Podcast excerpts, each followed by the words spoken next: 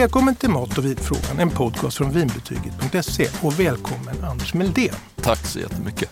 Det är inte ofta vi har gäster, men idag har vi det. Härligt. Ja, och Anders, det är så kul för att du är ju extremt mångsidig vad det gäller vin. Du skriver vinartiklar, du håller i egna vinprovningar, du går på vinprovningar och du har skrivit två intressanta böcker som jag tänkte vi skulle kika lite på. Jajamän. Men först måste jag bara fråga, du är lite sen, det gör ingenting, men du kommer från Systembolaget. ja, precis. Ja, men jag har ju suttit och provat eh, nyheter som ska släppas inom eh, nästa månad på Systembolaget. Och som vinskribent så eh, tillhandahåller de helt enkelt, eh, ja, med importörernas eh, förstås Mm. goda minne, flaskor som man kan prova innan de släpps. För att skriva om. För att skriva om. Och det här sker var någonstans? På huvudkontoret vid Kungsträdgården Vackert. i Stockholm. Ja. Blomma körsbärsträden. De gjorde det, det var oerhört mycket folk faktiskt. Ja. Och så lade jag märke till att ett av träden hade dött. Aha. Så det var lite grått och, och tråkigt, det måste ha känt sig ensam. ja, förmodligen var det så. Men du, be- berätta, hur går en sån här provning till bara? Ja, men den går eh, väldigt steril. Man går ner i, det, i deras källare. Det är en eh, lokal med vita bord, eh, vita väggar, lysrör i taken och eh, ganska Inga direkta färgintryck eller doftintryck eller sånt som ska kunna störa. Och sen så står flaskorna uppradade utifrån lanseringsdatum. Och sen provar man i sin egen takt helt enkelt. Och hur många Flaskor. viner har du provat idag? Ja, men idag var det en relativt behändig skara så att jag kan tänka mig att det var runt 120 viner eller något. För mig låter det inte behändigt. Nej, men det, Ofantligt. det finns eh, värre provningar. Men du, och då spottar man ut hela tiden? Ja, då spottar man. Men jag har ju varit på provningar genom åren och jag, jag måste säga att jag tyckte man blev strävt efter några glas sådär va? Ja, jag, jag börjar alltid med de röda vinerna Ja. och sen går jag på de vita. Det traditionella sättet är ju att börja med vitt och Mm. gå över på rött. Eh, Jag tycker alltid det är enklare för att de röda vinerna, precis som du säger, har strävhet och de har en komplexitet som de vita vinerna mindre ofta har i alla fall. De vita vinerna har mer syra och friskhet Mm. och sådär, så de är lättare. Det är liksom skär igenom ändå efter de här röda. Så jag börjar alltid med, med det som är lite jobbigare helt enkelt. Mm, mm, det är bra. Om man säger så, hittar du någon favorit och säger den här ska jag komma ihåg till mig själv nästan? Ja, men så är det ju. Och jag, jag tar ju några bilder också för att komma ihåg vilka det var. Jag tänkte bara fråga innan vi kommer in på dina böcker här. Alltså, kan du säga ungefär när du började liksom intressera dig på riktigt för när du gick från att tycka om vin till att verkligen bli intresserad av vin och hur det framställs och regioner och drycker? Ja, just det, precis. Nej, jag vet inte. Jag gick ju vägen via egentligen restaurangbranschen. Mm. Jag hade inget eh, intresse hemifrån eller så, utan det- det var när jag började jobba som servitör när jag var 16 år Mm. och sånt där, så, så började jag liksom intressera mig för det. Och redan då så kände jag ju liksom vad jag tyckte var gott och Mm. inte gott. Men då kan man säga att du har både ett intresse i vin och så är det ditt jobb. Ja, och det har inte alltid varit helt så här okomplicerat. Jag har väl ibland tyckt så här att eh, det bara har varit ett jobb. Ja, Och att plikta av. Ja, liksom. precis. Ja, nu måste jag prova det här Ja. och skriva om det. Men eh, jag skulle nog säga att de senaste nästan två decennierna så har det bara blivit ett större och större intresse också. Alltså att jag tyckte att det varit roligare och roligare. Och det utvecklas tycker du fast du är så rutinerad? Ja, det är nästan så att det utvecklas mer nu Ja. än vad det gjorde i början. Men du, om kompisar ska bjuda dig på middag, nu kommer Anders, blir de inte nervösa då? Mm. Jo, men det, då, då brukar jag säga så här att eh, ni lagar jättegod mat så tar jag med mig vinerna. Och du ville veta lite vad det blir för mat? Så att du kan... Sen är det väl så att jag, jag bjuds gärna också på vin. Bara jag slipper den här klassiska när man får ett glas bara i handen och så säger de så här, vad är det här för någonting? Ja, precis.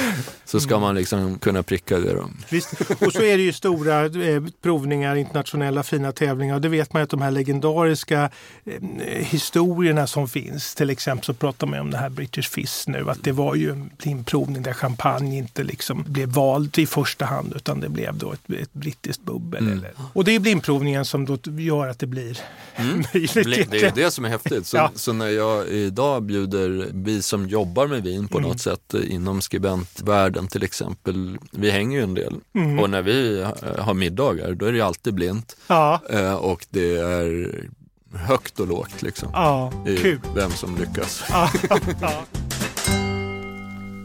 Nu har jag framför mig, av allt du gör här, jag, jag förstår inte riktigt hur du hinner. Va? Alltså, du reser, besöker vingårdar, skriver artiklar, du håller i utbildningar, du skriver i vinrecensioner etc. Och så har du dessutom i relativ närtid skrivit två vinböcker. Mm. Det har jag faktiskt. Helt otroligt. Och jag har skrivit en tredje också, fast den var lite läng mer länge sedan. Okay. Mm. Men hur hinner du med det här då? Ja, man jobbar jämt liksom. Ja. Eller jag gör det i alla fall. Jag sitter alltid och, och fnular på något. Jag skriver i mobilen eller jag skriver på datorn när jag sitter och åker tunnelbana och sådär. Sen eh, är jag faktiskt ganska mycket ledig också, så jag vet inte riktigt. Men den allra första boken då, det var ju en bok om rosévin som mm. släpptes mm. 2016 och det var ett jättekul projekt för där gick jag ju loss på en vinstil som var lite utmobbad mm. av, av mitt skrå. Liksom. Ja.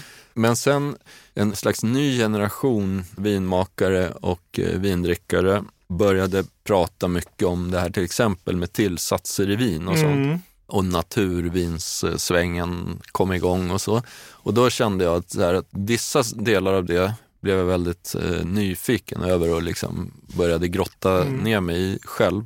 Samtidigt så såg jag också att vissa delar i det var lite hittepå. Liksom. Att man, man försökte kanske dela upp vinvärlden i de goda och de onda. Och, så. Mm, mm ja, och så kom det böcker i samband med det som uh, spädde på det där. Och då blev jag nästan lite så här, äh, fan det här... Du ville ta reda på hur det låg till? Ja, det här verkar inte stämma. För jag har ju varit runt och så ja, massa vinmakare och det, jag, jag, känner inte igen det här. Nej. Att det är så svart eller vitt. Liksom. Nej. Eh, alltså att antingen så gör man vin med massvis med tillsatser och kemiska bekämpningsmedel eller så gör man vin helt utan det. Nej. Och så ser inte vinvärlden ut Nej. tycker jag. Och det var lite det som startade. Egen nyfikenhet. Ja, det var det absolut. De här böckerna de heter då Wines Planning och den första som kom 2020 eh, den heter Värt att veta om vin. Och den andra då som kom redan året därefter heter Prova, lagra, njut. Också Wines Planning då mm. som är ditt varumärke. Ja, det blev ju det. Det mm. började med lite korta filmer på sociala medier. Alltså när jag tittar på de här så, jag tycker om jag skulle sammanfatta, jag skulle säga att det här är välskrivna och trevliga allmänbildande läroböcker om vin. Det kan har man, det blivit. Kan man skriva man, så? Ja, säga så? det kan man absolut säga. Och, och, och, det får jag väl bara, det är liksom så identitetsfråga. Vad är jag egentligen? Ja. Men jag är nog det. Utbildare. Utbildare. Ja, ja. ja kul. När man tittar på vinböcker så är det ofta fyrfärgsbilder. Det är en vingård i solnedgången och mm. det står någon vinbonde på någon bild som håller druvor i smutsiga händer och så är det väldigt liksom autentiskt. Va? Och man ser några gamla fatare. Men de här innehåller inga Nej. bilder. Och det var medvetet. När jag gjorde den första boken ville jag göra en textbok mm. och jag ville också göra en ljudbok. Mm. Så de finns ju som ljudbok båda två och då får man tänka bort det där mm. bildmässiga. Plus att det som jag ville visa, det är inte alltid det där vackraste. Nej. Så att istället så är det mest text och så är det en del illustrationer. Och jag gillar också det. Att det som sägs är det viktiga. Det som står här. Mm. Och skriva om vin är ju svårt. Jag kommer komma in lite på det. Men jag tycker det här, det här är jättebra grund för vem som helst som vill lära sig mer om vin.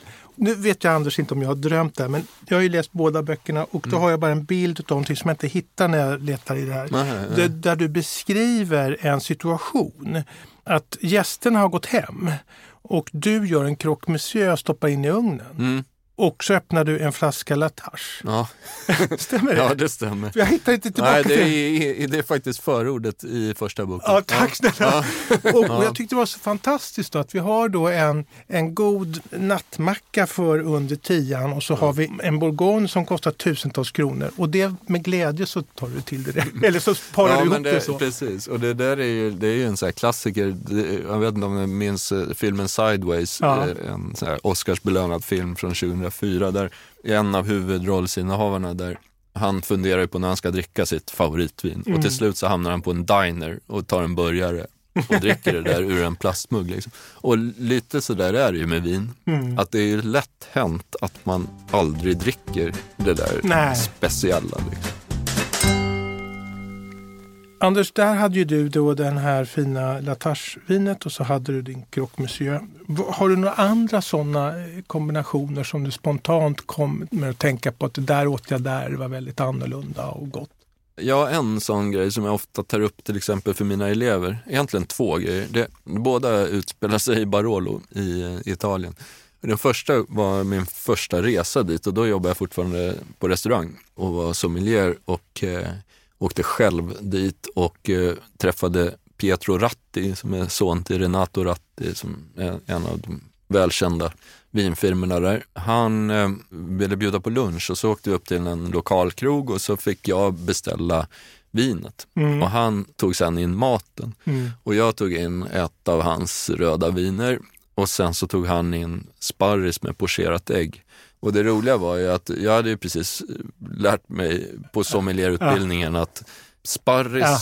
och ägg, det fick man inte Nej. ha till rödvin. Och det var så skönt att se det där att han hade ju ingen aning om det. Utan han tyckte det var gott. Och om vinet var gott och maten var god. Två goda borde, saker. Då borde det vara gott. Ja, just det. Ja, vad härligt. Ja. ja. Så det var den ena. Och den andra grejen är ju den gången jag åt min första tryffellunch mm. i Piemonte. En tryffellunch är ju väldigt exklusiv för tryffeln är väldigt dyr. Men maten är ju enormt enkel. Mm. Och det var lite samma grej där att servitrisen kom med ett stort fat med rå kalvfärs. That's it liksom. Som en råbiff alltså? Nej, inte ens det. är bara, bara rå kalvfärs som lades upp på min tallrik och sen så hyvlade man tryffel över och drack barbaresco till och så var det helt fantastiskt.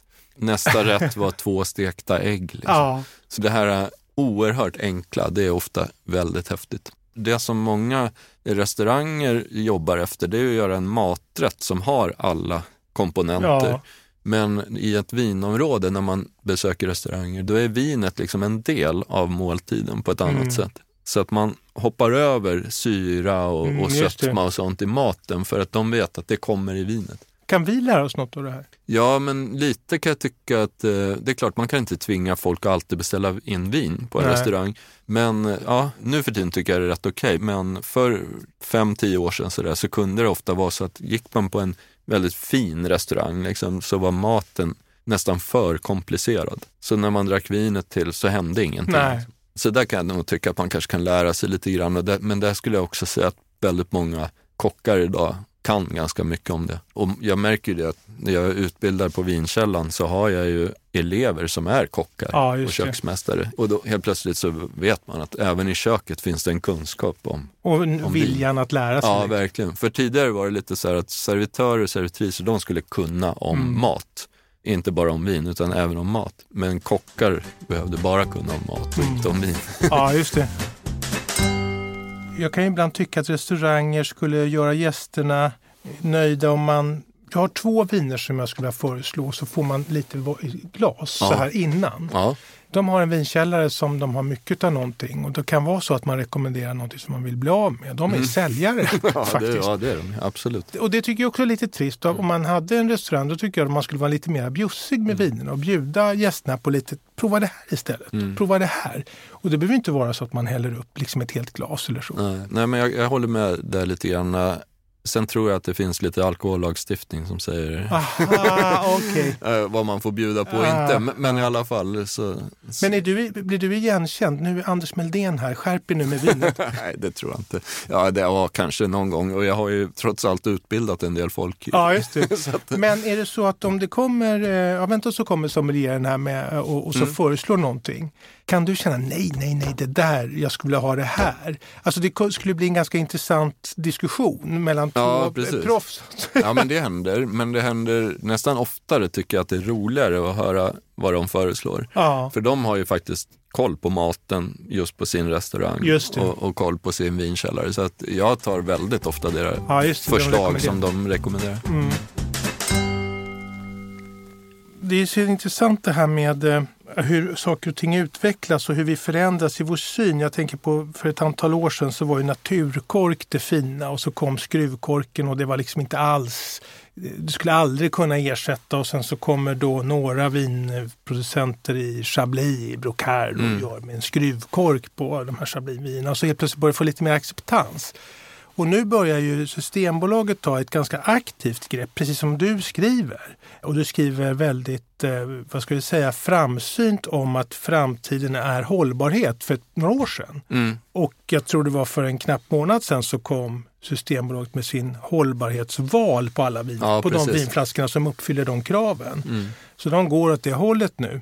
Hur ser du generellt på vinförpackningar? Liksom? Ja, precis. Om man börjar med förpackningar så, så är de ju extremt eh, traditionella. Glasflaska är ju i och för sig, det har inte funnits jättemånga hundra år, men snart ett par hundra år i alla fall. Och naturkork till exempel är ju också en väldigt traditionell eh, liksom, stopper i flaskorna. Jag är ju också då, måste jag ärligt säga, lite traditionell för i min egen vinkällare så är det ju bara glasflaskor. Däremot så gillar jag skurkapsyl generellt. Det är ju ett säkrare val än, än naturkork på så sätt att det inte liksom blir defekter på grund av korken. Du får bara fråga. Jag, Mm. Någonstans tror jag läste att 6% av alla viner blir korkskadade. Utav dem med naturkork. Kan det stämma? Ja, Mycket, det, man pratar olika siffror ibland. Jag har läst allt från 2 till 5 eller 6 procent. Det, eh, oavsett så är det ju för mycket. Om man skulle jämföra med, inte vet jag, man producerar bilar och så Mm. var hundrade eller kanske till och med Tre på hundra. tre på hundra är trasiga. Liksom.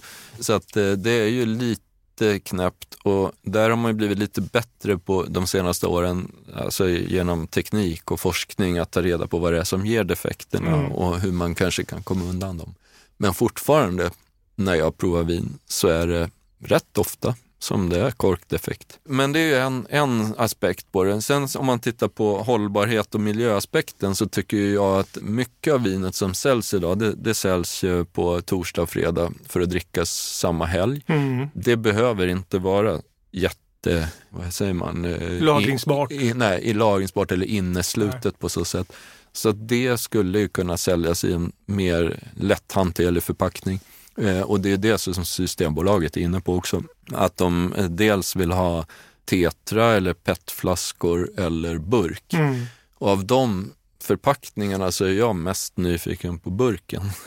Det är ja, intressant. Ja, där har vi gått från, jag tänker på, liksom, förr var det mycket flaskor Mm. och sen kom läsk och öl och så vidare i burkar.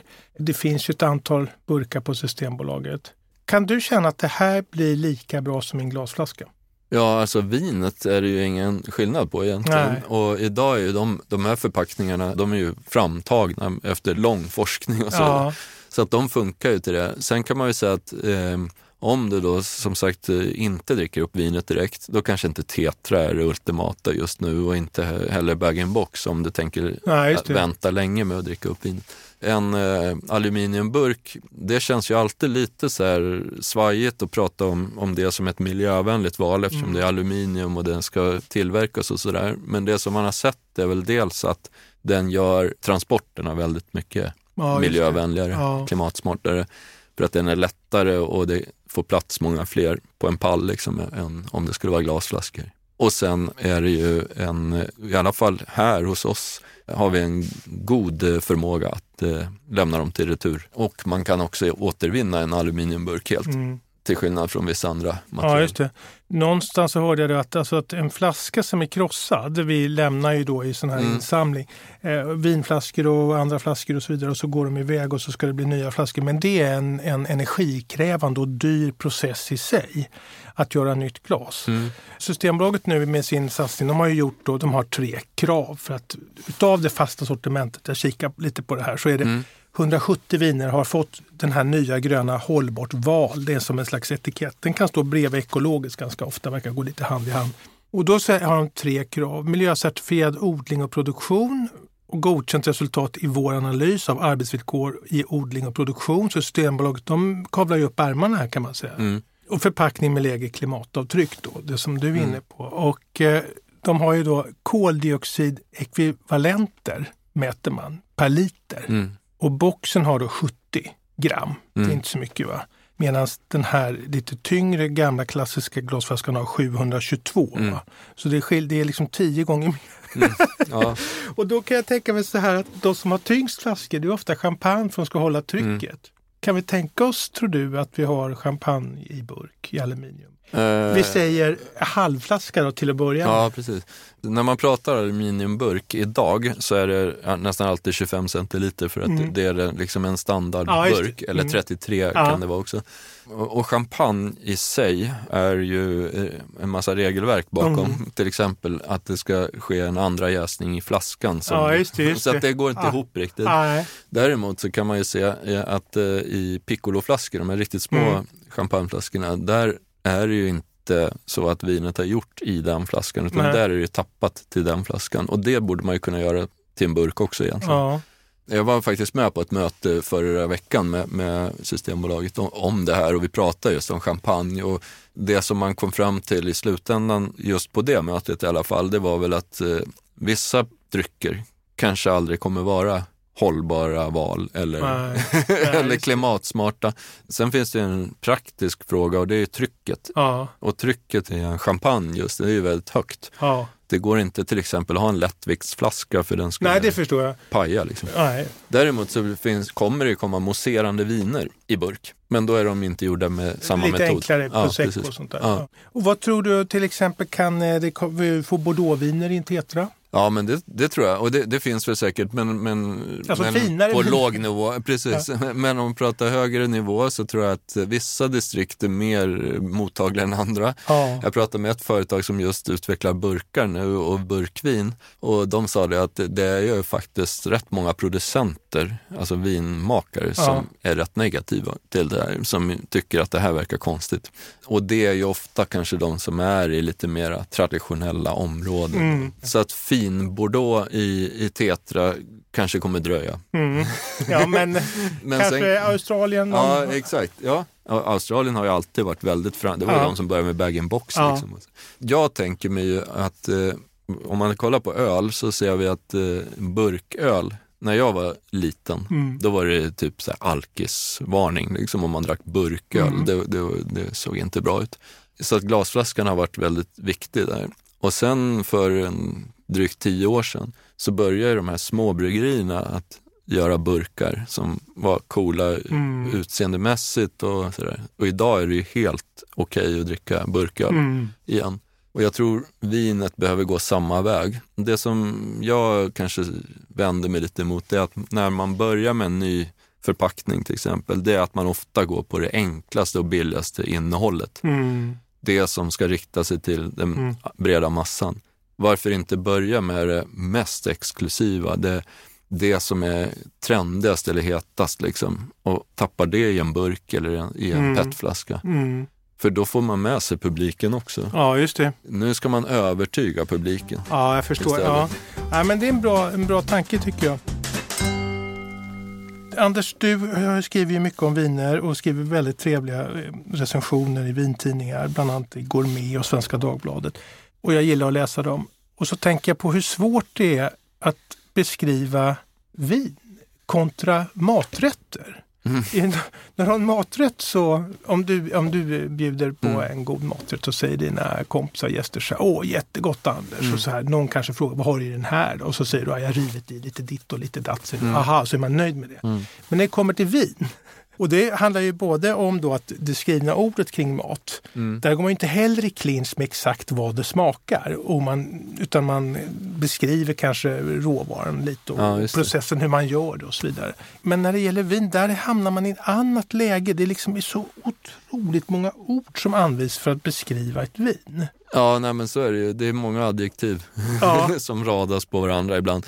Eh, Och det, är väl, det, ja, det bottnar väl i att, det, att man som konsument oftast köper grisen i säcken. Man har ingen aning. Man köper en flaska som är sl- försluten så man, man måste gå på någon annans beskrivning Mm. för att, för att eh, förstå vad det är man ska uppfatta i det där vinet. Och det har väl gjort att när man skriver om vin, att man försöker vara ganska detaljrik liksom, kring Mm. aromer och smaker och sådär. Jag håller med dig om att det, det kanske att vi borde gå mer åt matsvängen eller en del skribenter jobbar ju lite mer med kanske så här, själva upplevelsen bara och jämför den med någon eh, känsla eller så. Som, och det kan man väl göra ibland. Jag tycker väl också att det handlar om att, eh, att beskriva en doft och smak för så många som möjligt och då får man vara ganska, vad säger man, lite, lite allmängiltig liksom Mm. i sina Mm, mm. uttryck, hur man, hur man använder sig av dem. Eh, vin är ju häftigt på det. Om man jämför med mat så är mat har ju massa ingredienser och vin har egentligen bara en eller Mm. ja, några till då, om, man, om man inkluderar jäst och, och Mm. ekfat och sådana grejer. Så det gör ju att eh, vin är egentligen borde vara enklare att beskriva. Ja, Men egentligen så är det, blir det svårare då för ja. att man måste hitta de där små nyanserna som skiljer dem åt. Jag var på en provning på Systembolaget. Det var Italien mot Frankrike. Lite dyrare viner. Mm. Och då var vi en grupp då så eh, försökte han liksom få igång oss. Vi var ju Mm. blyga, vi kände ju inte varandra. Nej, precis. du vet, så här. Mm. Känner ni, känner ni? frågade han tusen gånger. Och, då, och då, det, det vi skulle känna det var ju då, det var ju röda lite kraftiga viner. Det var ju blyerts, det var läder, Mm. det var tobak och de här sakerna. Multna löv, röda bär etc. Men när man lägger för många på varandra så får man liksom inte ihop en totalbild. Nej. Kan du få det utav många? Vi ser sju, åtta smakvariabler som man räknar upp. Kan du sammanfatta det till, i, i din... Ja, men i, i den här andra boken så jobbar jag ju mycket med det där. Jag, jag är lite så som eh, en slags internationell skola för sommelier till exempel gör. Mm. Att man delar in det i primär och sekundär och tertiära aromer. Ja, Och för mig räcker det med de tre egentligen. Primära aromer det är liksom dofterna från druvan och, den första jäsningsprocessen. Sekundära aromerna det är från tillverkningen där ekfat inkluderas till exempel. Mm. Och tertiära aromer det är när vinet sen mognar och Mm. utvecklas. Och de där grejerna som du rabblade upp då, Mm. då är ju röda bär till exempel, det är primära aromer. Vad sa du mer? Du sa läder, tobak. ja, lädertobak, det är tertiära aromer. Ja. Och sen kanske det är lite eh, honung eller rostade nötter Ja. så från fat. Choklad. Ja, precis. Då är det sekundära aromer. När jag utbildar så bry- bryr jag mig inte så mycket om vad de exakt säger inom varje kategori. Nej. Däremot så är det intressant att se att man har hittat både till exempel primär och sekundära aromer. Ja, det säger ju någonting om vintillverkningen. Så det ger oss liksom lite ledtrådar om vad, Mm. vad man har i glaset. Och har man också hittat tertiära aromer, ja, det säger det någonting om åldern på vinet också. Sen eh, vilka exakt, det tycker inte jag spelar så stor roll. Nej, om det är körsbär eller hallon. Nej, eller. Nej, utan det är ens egen subjektiva lite intryck sådär som man också, saker som man själv kan relatera till och hitta. Men fanns det en tidpunkt i din vinutvecklingsresa där du kände att nu började nu öppna sig liksom ett fönster? Aha, du uppfattade flera nyanser, flera smaker. Ja, det gjorde det nog. eh, För det är ändå en träningsfråga. Ja, det är det faktiskt. När jag började prova röd bourgogne de första gångerna, då tyckte jag det var riktigt tråkiga viner. Mm. De var lite rödfruktiga och de var lite sura och sådär. Jag fattade inte grejen med det. Liksom. För där är nyanserna så fina liksom och små. Och s- jag vet inte exakt när, men det har nog varit en pågående liksom, långsam process där jag bara har förstått genom att prova mer och mer, hitta mer och mer också. Är du väldigt fokuserad när du tar klunken? Så att du är liksom närvarande. Ja, men det är jag absolut. Och särskilt när jag jobbar Ja. med det. Ja. Om du, eh, vi säger att vi eh, tar en middag här, det kommer Mm. in en middag här och så sitter vi och pratar. Är det automatiskt att du kopplar på din analys av vinet då? ja, det gör jag nog faktiskt. Tyvärr. Hemma, hemma också? Ja, det gör jag nog. För att det ingår så, det blir liksom, sen behöver inte den, jag säger den, jag berättar den inte för andra människor. Men- sådär, men Det är första och andra klunken. Det är ju de viktigaste Ja. tycker jag. Det är Ja. då det händer något Ja. i, huvudet så att säga. Wow! Men sen femte klunken då? mm. Nej, det, Har du, jag, har du liksom eh, kunnat eh, parkera den där frågan då? Då är det avklarat. Ja, fast jag kommer nog fortsätta och fundera lite. Ja, det tror jag. För att jag tycker ändå så att den femte klunken och eftersmaken och hela den där grejen. Alltså bra vin, det kan man ju fundera på länge tycker jag. Ja, ja, okej. ja, jag förstår. Fast jag behöver inte tråka ut andra med det. Men, Jag funderar lite grann på det här med sammanhang och vin. Att det är ju väldigt... Eh, man, alltså ja, det behöver inte vara så att man sitter vid Medelhavet och är nykär och det är romantiskt och vackert och solen går ner och man sitter där ett par med och dricker ett vin och det är liksom ett ögonblick som är, är minnesvärt för livet. Utan det kan ju vara att man kommer hem slutkörd och sätter ner mm. matkassen och så går man ut i köket och så finns det ett vin och så tar man ett glas och så säger man, om man har en helg framför sig utan massa måsten och bokningar och grejer och så tänder man ett ljus och så kanske man tar något tilltugg till det här för man är lite småhungrig till det här vin. Då kan ju det vara det godaste fast man inte ens nästan tänkt på vilket vin man tog. Ja, det är, ja, sammanhanget är jätteviktigt. Och det tror jag egentligen att det är för ma med mat och musik och allt möjligt sånt. Alla, alla sådana intryck som man får i, till sinnena, då behöver ju sinnena vara i rätt stämning. Ja. och där tror jag vin eh, inkluderas. Det är ju klassiker, liksom. Om man drack semester, eh, vin eh, på semestern i Grekland och så tyckte man det var så gott så köpte man hem några flaskor och så blir det inte alls samma grej. Eh, och det hänger nog mycket ihop med det. Och det är två olika grejer egentligen. Det, det är nog därför jag berättade att när jag kom här nu då, att jag hade varit på Systembolaget mm. och det här rummet som är så oerhört sterilt och liksom, ja. därför där ska man inte Påverka. påverkas Nej. av dem. Eh, om jag reser sen till en vingård och så provar jag samma vin igen ja. med vinmakaren som kommer in med några ostbitar och ja. hans mamma har lagat eh, till någonting. Liksom. Äh, du vet, då det är sjunde generationen ja, som har vingården. Då blir det ju en helt annan upplevelse. Har du några vingårdar som du tycker att där kan du hitta trevliga vingårdsbesök, både vad det gäller landskap, region, viner, mat, kultur, eh, vackert landskap etc. Du har ju varit och rest mm. mycket och sett mycket och skrivit om mycket. Jag får rätt ofta den frågan och har, det är inte alltid så lätt att svara på den. Nej. Därför att när jag reser så är jag i jobbet ja. och då får jag väldigt bra ja, mottagande. Ja. Eh, och det är inte säkert att eh, man får som turist. Men bland de vackraste och, och mysigaste vinregionerna så kanske dels österrikiska Steiermark hör mm. dit faktiskt. Det var en sån här en plats som jag bara blev helt förälskad i. Det var oerhört vackert. Eh, där har jag faktiskt bara varit en gång, men det var underbart. Kalifornien är fantastiskt eh, på så sätt att de är väldigt duktiga på att ta emot eh, mm, proffsiga ja, amerikaner. Ta emot liksom. gäster mm. liksom, för, mm. på ett sätt som europeiska vinerier nu precis börjar bli mm. bra på. Inom, eh, i, ja, I Italien så är ju Toscana vackert och eh, har massvis med härliga vinerier men då ska man kanske åka lite off season för mm. det kan vara rätt mycket folk där. En region öster om Toscana är Marke. Ja, just det. Och där eh, har jag också haft eh, väldigt fina besök, för den är lite mera rough. Va? rough. Ja, ja. lite, inte så där exploaterad som, som Nej, och där kan man ju också, man får en känsla av att det är en region som behöver få lite, de har fina byggnader, fina små byar, fina små städer, men de är lite bortglömda och Eh, man har ju, där kan du göra väldigt bra affärer om du vill köpa någonting och bosätta dig. Du hittar, ja, får ge väldigt mycket för pengarna. Ja, Vackra stenhus som är byggda för hand. Liksom. Ja. Och de gör jättegod olivolja ja. och massa goda ostar och sånt också. Liksom. Så det är en härlig region att resa i. Anders, jag tackar så jättemycket för ditt besök här ja, eh, och alla goda tips. Ja. Och sen så får vi bara tacka alla som har lyssnat också. Absolut. Ja, vi hörs ja, snart. Ha det bra. Hej. Hej. Har du frågor om mat och vin? Alla frågor är välkomna.